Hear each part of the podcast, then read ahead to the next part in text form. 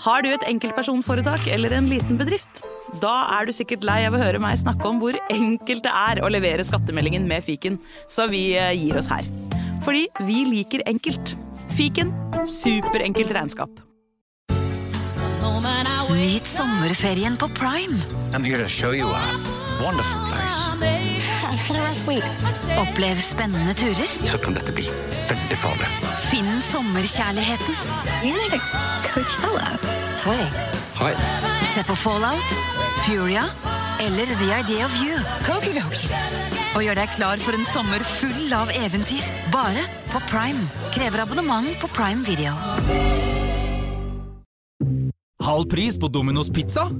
Ja, i dag er det Crazy Tuesday og halv pris på alle medium pizza hos Domino's. Det stemmer. Halv pris på pizza hver tirsdag. Bestill på dominos.no eller i appen. Crazy Tuesday hver tirsdag hos Dominos. Advarsel. I denne podkasten vil du høre historier basert på informasjon programlederne har funnet selv. Programlederne står ikke nødvendigvis inne for meninger og syn som fremstilles. Noen påstander kan avvike fra virkeligheten.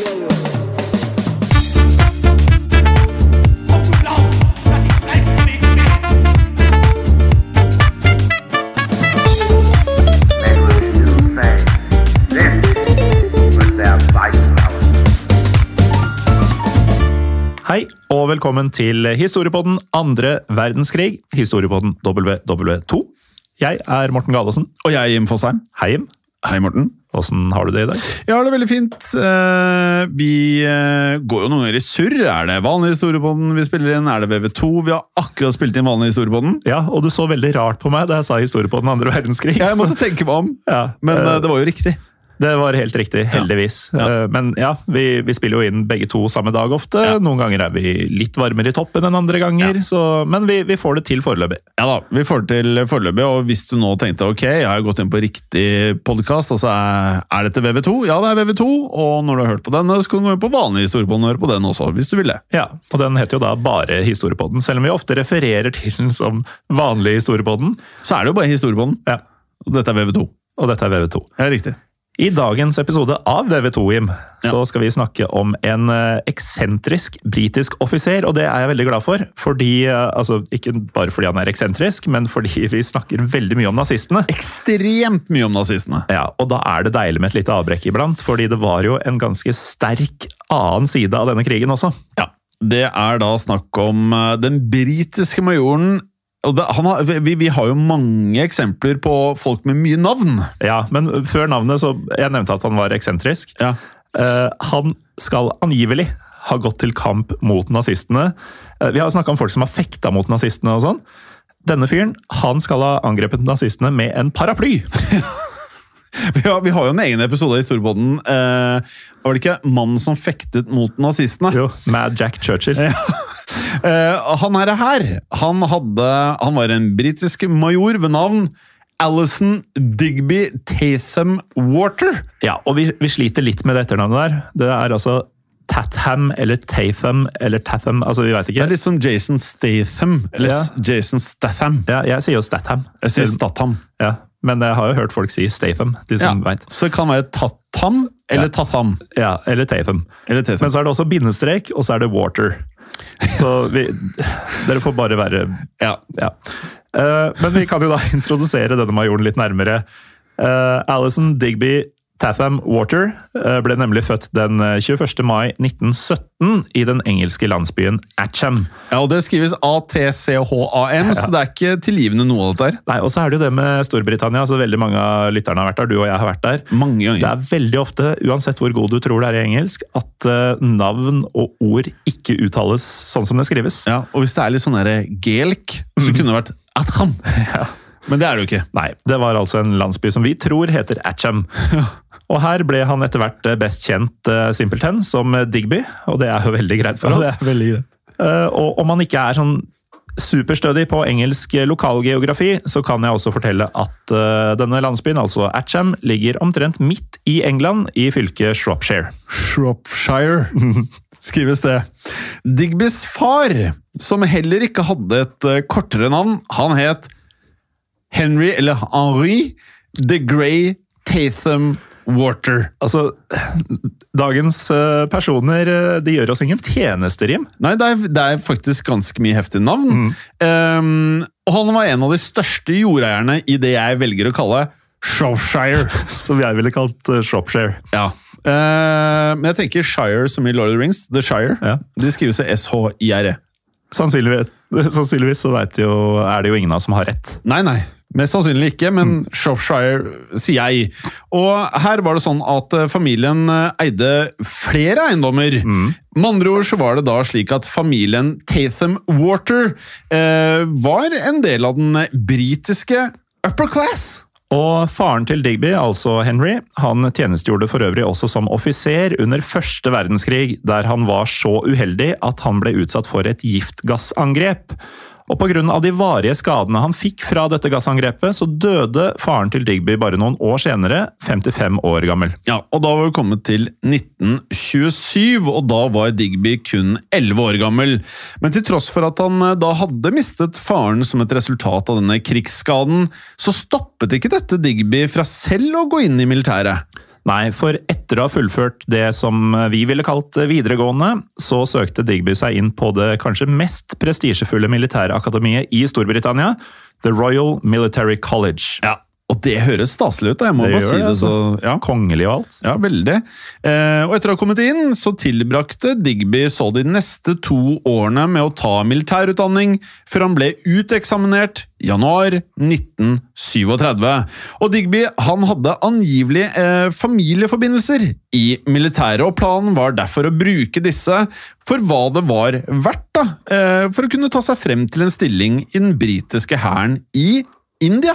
Og dette fikk han da han i mars 1937 ble overført til regimentet som het Oxfordshire and Buckinghamshire Light Infantry.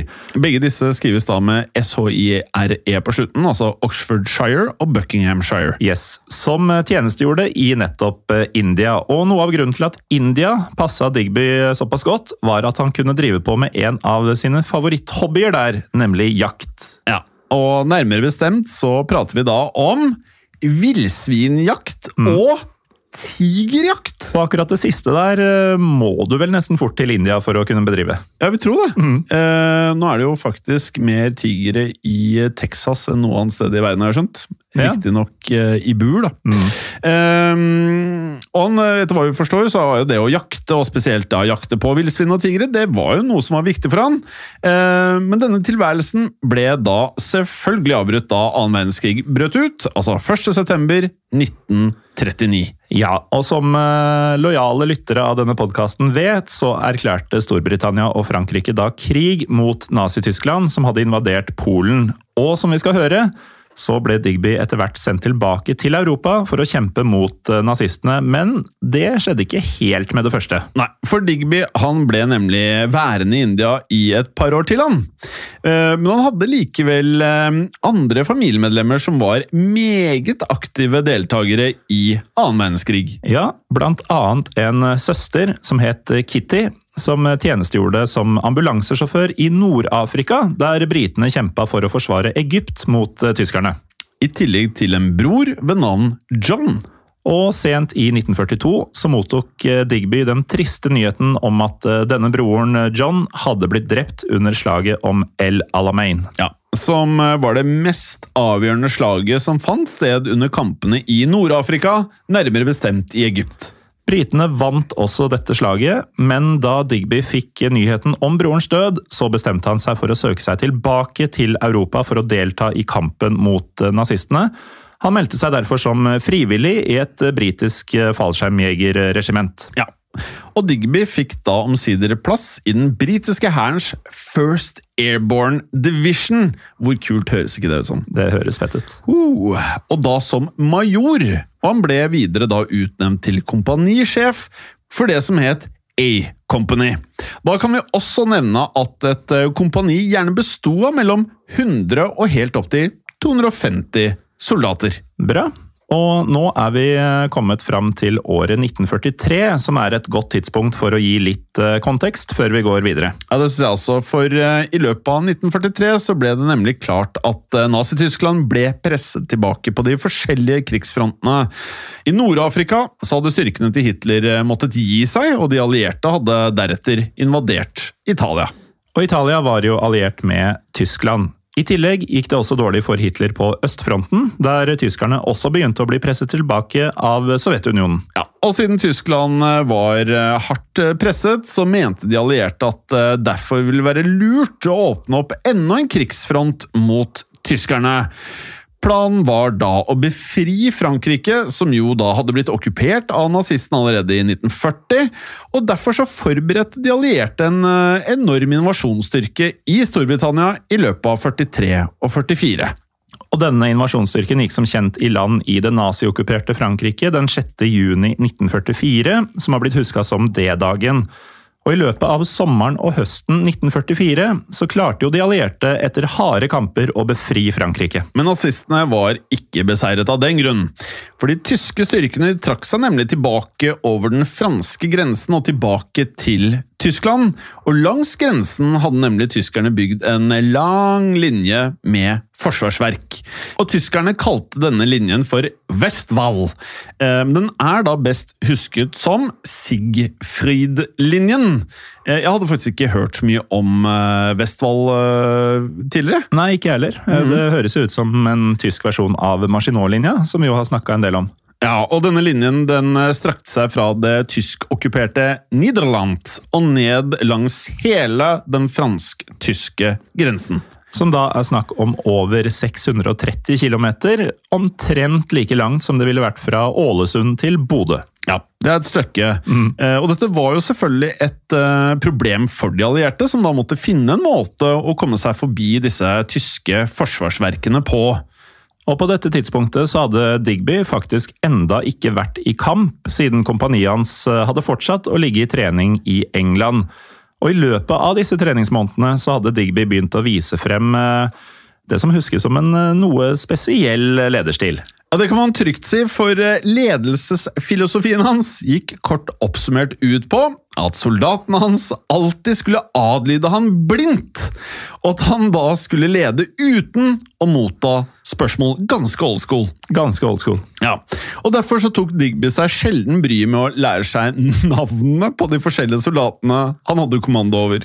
Nei, Men eh, selv om han tydeligvis var eh, ganske streng og tøff, så skal eh, Digby samtidig ha innehatt eh, en sans for humoristiske påfunn. Ja, og ved minst én anledning skal han nemlig ha klart å anskaffe et fly, som da fraktet Digby og flere av offiserkollegaene hans til London, slik at de kunne delta på en helgefest, som da ble arrangert på Ritz hotell. Så, så langt i krigen så har han jakta på dyr i India og festa og kost seg Ja. i London. Og så Han skaffa et fly for å dra på en fest med gutta i kompaniet. Med gutta. Ja, det, jeg vil jo tro, selv om han da hadde en litt autoritær lederstil og ikke kunne navnet på noen av de, du får jo litt stjerner av det, da. Du gjør det. Men høsten 1944 så var det omsider slutt på denne gøyale treningstilværelsen i England. Da hadde nemlig den britiske feltmarskalken Bernard Montgomery fått gjennomslag for en ny plan. Denne planen hadde fått navnet Operation Market Garden og tok sikte på å ta seg rundt den tyske Sigfrid-linja ved å angripe det tysk-okkuperte Nederland med fallskjermsoldater. Riktig det. Så den 17. september 1944 så slapp de allierte derfor 10 000 fallskjermjegere bak de tyske linjene i Nederlands. Noe som da fortsatt er den aller største militære fallskjermoperasjonen gjennom historien. Planen var at fallskjermsoldatene skulle okkupere en rekke viktige broer, som vil gjøre det mulig for resten av de allierte styrkene i Frankrike å da raskt kjøre inn og befri Nederland. Og deretter skulle man fortsette inn i Tyskland og ta seg helt til Berlin. Og her må jeg bare, eh, Vi er jo veldig opptatt av filmer og bøker i denne podkasten, eller disse podkastene. Eh, og da er det en veldig bra krigsfilm. Den er blitt gammel nå, selvfølgelig. A Bridge Too Far. Roger Moore? Med Roger Moore, Anthony Hopkins, en rekke andre fantastiske skuespillere for sin tid. Og der kan vi jo, uten at vi liksom har kommet helt til den materien ennå, så kan jeg jo nevne at jeg minnes at det er en karakter i eh, eh, filmen der som eh, går rundt med noe paraplylignende sak. Uten at uh, vi skal si at det er uh, Digby. Eh, Nei, vi for- for det sier det ikke nok at det er Digby. Men uh, Et eller annet sted har inspirasjonen kommet fra, da. Ja, for vi skal jo komme til at Digby også hadde paraply Ja. etter hvert. Og hvis noen av dere finner ut, eh, for nå lever vi jo i æraen hvor DVD-er og Blu-ray er litt ferdig, så hvis noen av dere vet hvor man kan streame dette her, så ikke nøl med å dele i gruppen vår Historie for alle. Bra plugg. Veldig bra plugg. Yes. Uansett, um, fallskjermkompaniet til Digby Tatham Water ble selvfølgelig involvert i denne operasjonen, som for øvrig endte i fullstendig katastrofe for de allierte. Ja, Vanvittig dårlig opplegg, for da de allierte fallskjermjegerne ble sluppet ned, så viste det seg at tyskerne var ekstremt godt forberedt.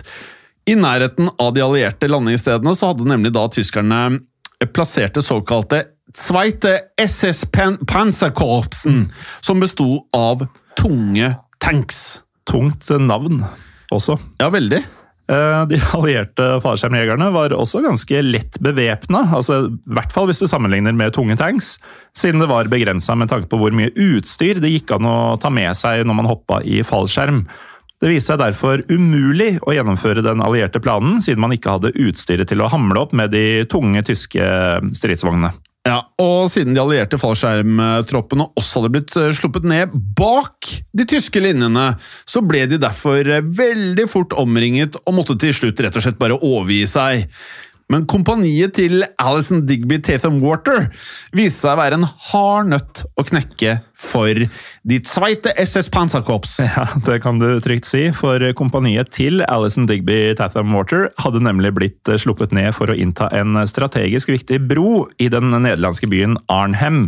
Og Arnhem viste seg da å bli stedet for noen av de aller hardeste kampene under Operation Market Garden. Ja, og så jeg må bare eh, Har du spilt Medal of Honor? Eh, Jeg spilte de to første på PlayStation 1. Ja, det er nettopp her, så er Jeg husker ikke om det er eneren eller toeren. Så er du i Operation Market Garden. Og det her er jo da, hvis jeg husker det rett, både Tom Hanks og Steven Spielberg som har vært med å utvikle dette spillet. Så dette her er jo cirka perioden hvor Band of Brothers eh, kom ut også. Eh, Ja, Det beste som er laga. Eh, Saving Private Ryan var vel også omtrent på den tiden. Nettopp eh, det. Og dette her er jo det samme duoen som har vært med, som har hatt en eh, finger med i spillet på alle tre produksjonene. Så det høres kanskje litt rart ut å anbefale et TV-spill med veldig dårlig oppløsning. Nå har ikke jeg spilt TV-spill på en del år, dessverre, men jeg vil tro at det er ganske dårlig sammenlignet med dagens grafikk. Men selve stemningen er helt vanvittig! Absolutt. Lydsporet og, Ja, og sånn på den tida, med Ja. tyske rop og, Ja. og den teatralske musikken og sånn. Um, Jeg vet ikke om det gjelder disse spillene, men veldig mange gamle PlayStation-spill kan kjøpes i PlayStation Store, hvis man oh, ja. har en PlayStation 3, 4 eller 5. Nettopp. Mm. Og det er noe med Har du spilt det brettet hvor de er om bord på dette skipet, Ja, og du hører sånn ding, ding, Mm. ding, ding, og så hører du bare sånne tyskere som begynner å rope og skrike, og jeg fikk helt eh, bakoversveis, jeg. Ja, Ikke du, da, du har ikke hår, men jeg, ja hadde det da. Ja, du, du hadde det da, ja. ja. Men eh, sånn, en anbefaling fra meg til dere. Gå inn og last ned dette spillet og test det. Eh, Hvis det går. ja, for det er jo, ikke sant, bare siste ord, det er samme kvalitet på hele stemningen som Save It Prime Ryan og Band of Brothers, og det her kommer vi ikke til å få igjen. Dette var en æra hvor de to, to, en av de beste skuespillerne, en av de beste regissørene, som da gikk sammen og lagde dette her. Og så tilbake til Arnhem. Eh, For her viste da Digby seg frem som en eh, ganske så uvanlig offiser på flere måter. Eh, I forkant av mm, det allierte angrepet på Arnhem, så hadde han annet kommet frem til at han var eh, Han var veldig skeptisk til at kompaniet hans skulle være avhengig av å bruke radio. Ja, Ettersom Digby mente at radioene kunne være upålitelige, så ga han ordre om at soldatene hans i stedet skulle bruke trompeter for å kommunisere. Ja, Og det enkle er ofte best. Er dette så enkelt? Nei, det er egentlig å blåse en trompet, i hvert fall. Eh, og det fungerte også godt, siden disse radioene faktisk eh, viste seg å ikke fungere helt som de skulle. Men det var ikke nok med trompeter. For i tillegg så insisterte Digby på at han selv skulle gå inn i kamp utstyrt med en paraply. Og nå har vi kommet til dette. Altså, vi nevnte jo i stad at Digby sjelden tok seg bryet med å huske navnene på soldatene han leda. Det viser seg nemlig også at han heller ikke orka å ta seg bryet med å huske passord. For passord ble nemlig ofte brukt da, for å identifisere soldater på ens egen side når de befant seg på en viss avstand. Og vi kan jo legge til at eh, når USA, mm, mange invasjoner til USA i de siste 40-50 åra, så er friendly fire noe av det som har drept flest amerikanske soldater. Mm. Så dette er å vite om det var fiende eller ikke som var på vei mot den, det var ekstremt viktig. Ikke sant? Men da siden Digby ikke orka å lære seg sånne passord, så fant han da ut at en paraply det ville være et utmerket eh, alternativ. Han mente nemlig at dette gjorde det helt umulig å bli tatt for å være tysker, for eh, det ville tross alt, slik Digby selv sa det, være Quite obvious to anyone that the bloody fool carrying the umbrella could only be an Englishman. Ja, det er jeg enig i. Kan liksom ikke se for meg de nazistene går ut med paraply, nei. Men tenk så um, upraktisk når du går rundt med rifle i to hender og, Og tenk om den plutselig med- åpner seg ja. midt i en skuddveksling. Det er mye som kan skje her. Det er mye som kan skje. Og da kompaniet til Digby havnet i hard kamp med tyske panserstyrker i Arnhems gater, så ble britene snart vant til synet av Digby, som da rolig spaserte rundt på slagmarken med paraplyen sin. Og De britiske soldatene ble da bl.a. utsatt for et tysk granatkasterangrep. Og mens det da eksploderte rundt dem, så skal kompaniets eh, feltprest ha ropt til Digby at eh, begge to måtte komme seg i dekning. Digby skal da ha svart rolig Don't worry, I've got an umbrella. Eh, og ved en annen anledning så skal en britisk offiser ved navn Pat Barnett ha stilt spørsmålstegn om hvor nyttig denne paraplyen til Digby egentlig var. Noe som fikk Digby til å svare kanskje det mest fornuftige jeg har hørt fra han. Oh my goodness, Pat. What if it rains? Ja, ja, ja, ja, jeg liker det. Og så er britisk humor. Jeg kan liksom se for meg at jeg kunne løsna opp stemningen på litt sånn ellers hard eh, tilværelse, da. Ja. Eh, Digby skal også ha vandret rundt i gatene med åpen paraply og advart soldatene sine mot tyske snikkskyttere. Tilsynelatende da uten at han eh, selv innså at han var et ganske åpenbart mål, da vil jeg jo si, da.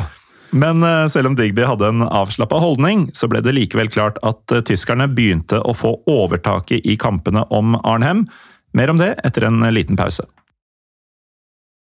Velkommen tilbake. Vi hørte at eh, tyskerne altså var i ferd med å vinne slaget om Arnhem, der Digby nå befant seg.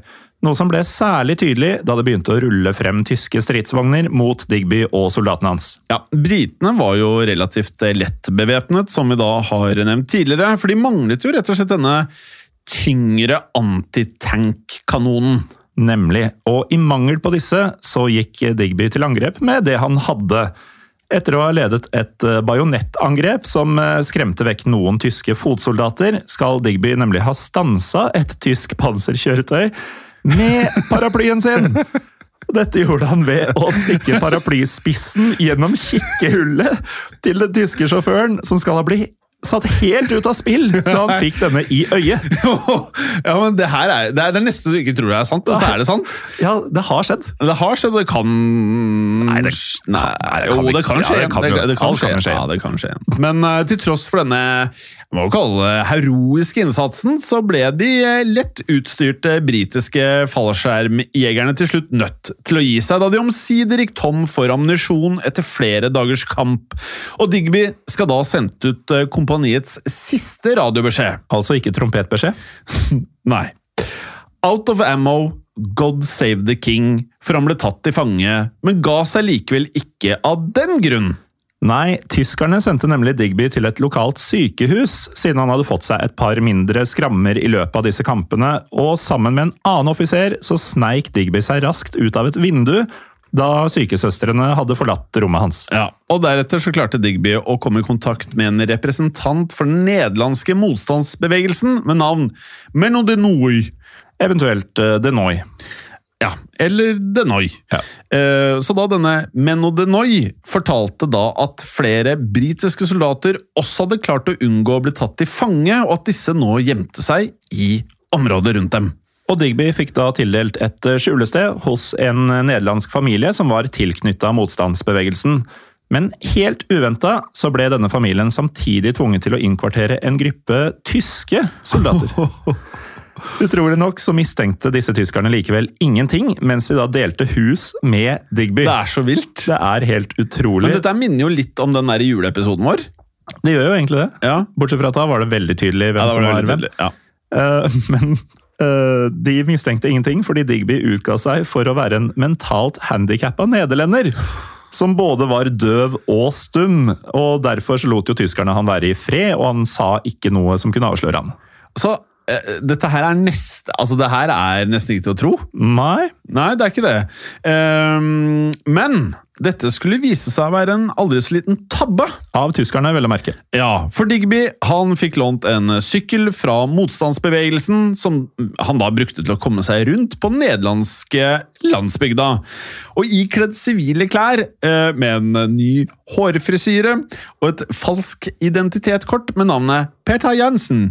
Slik syklet han da rett og slett rundt og tok direkte kontakt med hele 133 britiske soldater som da lå i skjul på forskjellige steder i nærheten. Og på en av disse sykkelturene så skal han faktisk også ha hjulpet noen tyske offiserer med å få bilen deres ut av en grøft.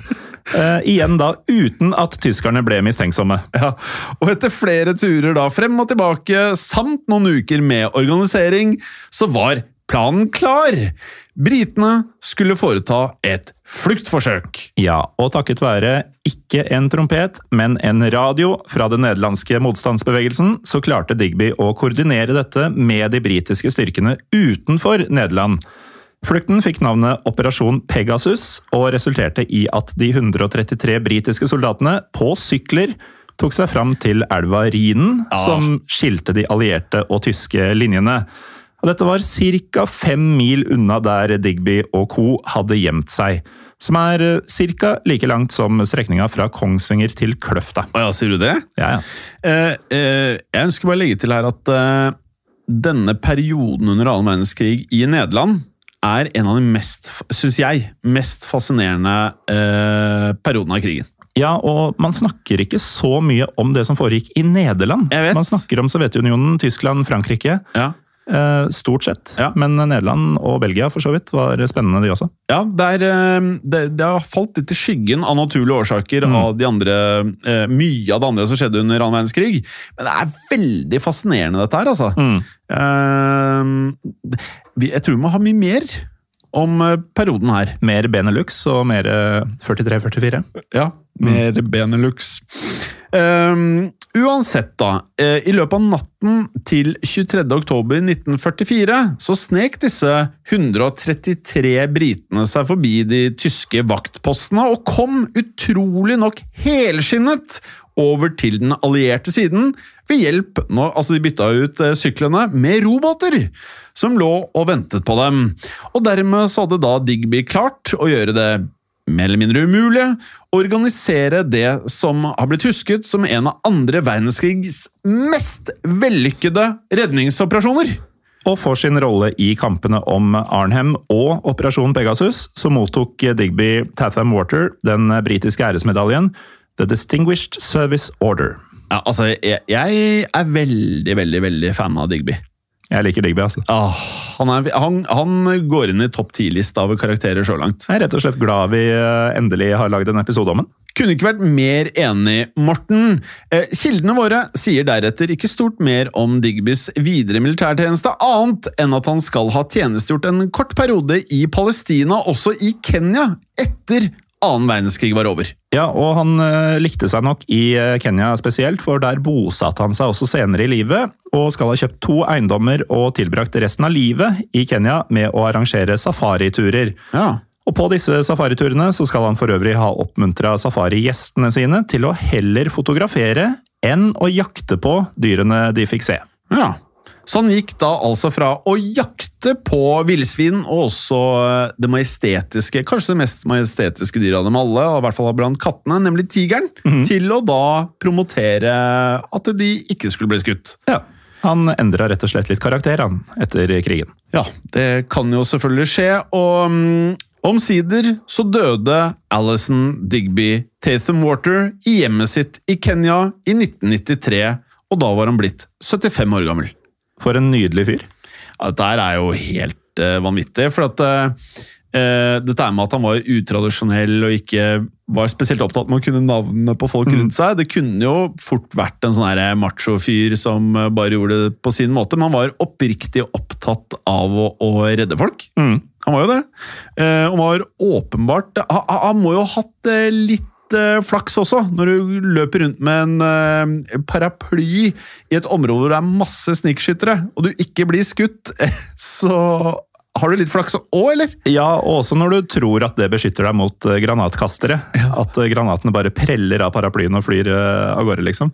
Men du vet, i Band of Brothers, når han uh, Sergeant Spears der Det er en eh, Altså, de allierte mot tyskerne. Det er en standoff over en lengre periode. Og, eller en standstill. Og så plutselig så løper Sergeant Spears igjennom alle linjene over til tyskerne. Eh, leverer vel en beskjed, jeg husker ikke det 100% og så løper han tilbake! Og så står basically da nazistene og de allierte og bare ser forundret på hva som skjer. Jeg tror kanskje det er litt samme effekt. Ja. At du ser han fyren med paraplyen, så tror du ikke helt det du ser. Nei, altså, jeg kan vel ikke skyte han her? Du bare ender med å ikke gjøre noe. Du blir handlingslammet. Ja. Eh, men en fantastisk episode, og en av de mest eh, fascinerende skikkelsene så langt i både historiepodden og historiepodden andre verdenskrig, tør jeg å påstå. Ja, og definitivt et bevis på at eh, det fins gode karakterer, altså bra karakterer å fortelle historier om, eh, også på den allierte siden av andre verdenskrig. Ja, og vi må Dette ga mersmak. Det gjorde det. Må ha mye mer av dette her. Har eh, du som hører på noen tips om eh, denne typen folk som vi burde lage episoder om, så har vi jo mange måter å nå oss på i sosiale medier. Vi har en eh, Facebook-side og en Instagram-konto som heter Historiepodden Norge. Ja, og så kan vi jo si at Du styrer jo Facebooken, så det er større sannsynlighet for å bli svart på Facebook enn på Instagrammen, som jeg styrer. Og så har vi da Facebook-gruppen vår, som er så meget som Historie for alle. Ja, og der må dere bare dele i vilden sky av ting dere syns er interessante, ting dere vil diskutere. Eh, Gjerne med en liten tekst om hvorfor du deler det du deler. Eller masse tekst. Gjerne masse tekst også. Ja, Som gjør det spennende for andre å lese. Mm. Og kan engasjere folk til å gå i diskusjon med deg, eller eh, komme med mer info. Ja. Eh, Rate oss veldig gjerne på Spotify og på iTunes hvis du ønsker det. Vi blir veldig happy for å få fem stjerner, selvfølgelig. Og med det, Morten, dette her har skjedd. Utrolig nok, og det betyr at det kan skje igjen. Ha det bra. Historiepodden ønsker å takke følgende. Dere som hjelper oss som sitter i produksjonen. Dere som hjelper oss som sitter i redaksjonen, inkludert eh, tekstforfattere. Det er Helt riktig. Og dere som sitter på marked, som faktisk da gir oss muligheten til å drive med Historiepodden. Og selvfølgelig alle dere som hører på. Tusen takk. Moderne media. Hei, Fredrik og Bjørn Henning her. Vår nye podkast Fordomspodden den er ute nå. Podkasten der norske kjendiser møter seg selv i døra. Har Kristin Gjelsvik alltid drømt om å lære seg å jodle? Ler Stig Henrik Hoff av eventyret Askeladden som kappåt med trollet? Bytter Katrin Sagen dobørste minst to ganger i året? Og har Didrik Solli Tangen sunget My Heart Is Yours som nattasang for barna sine? Hver uke blir nemlig én ny gjest konfrontert med både store og små fordommer i vårt forsøk på å komme til bunns i hvem de egentlig er. Du kan høre Fordomspodden hvor enn du lytter til podkast. Hei, og takk for at du hører på denne podkasten. Bøddel er en eh, miniserie som tidligere har blitt publisert i Untold, men ut mai vil du få tilgang til denne samt en rekke andre miniserier og ukentlige episoder av Moderne Media sine podkaster. Du finner Bøddel og andre podkaster som Henrettelsespodden helt reklamefritt i Untold. Som en liten smakebit så får du hver uke i mai en ny episode av disse podkastene, som vanligvis kun er tilgjengelig for Untold-abonnenter. Hvis du liker det du hører, så bør du laste ned Untold, eller gå til untold.app for å starte ditt abonnement i dag.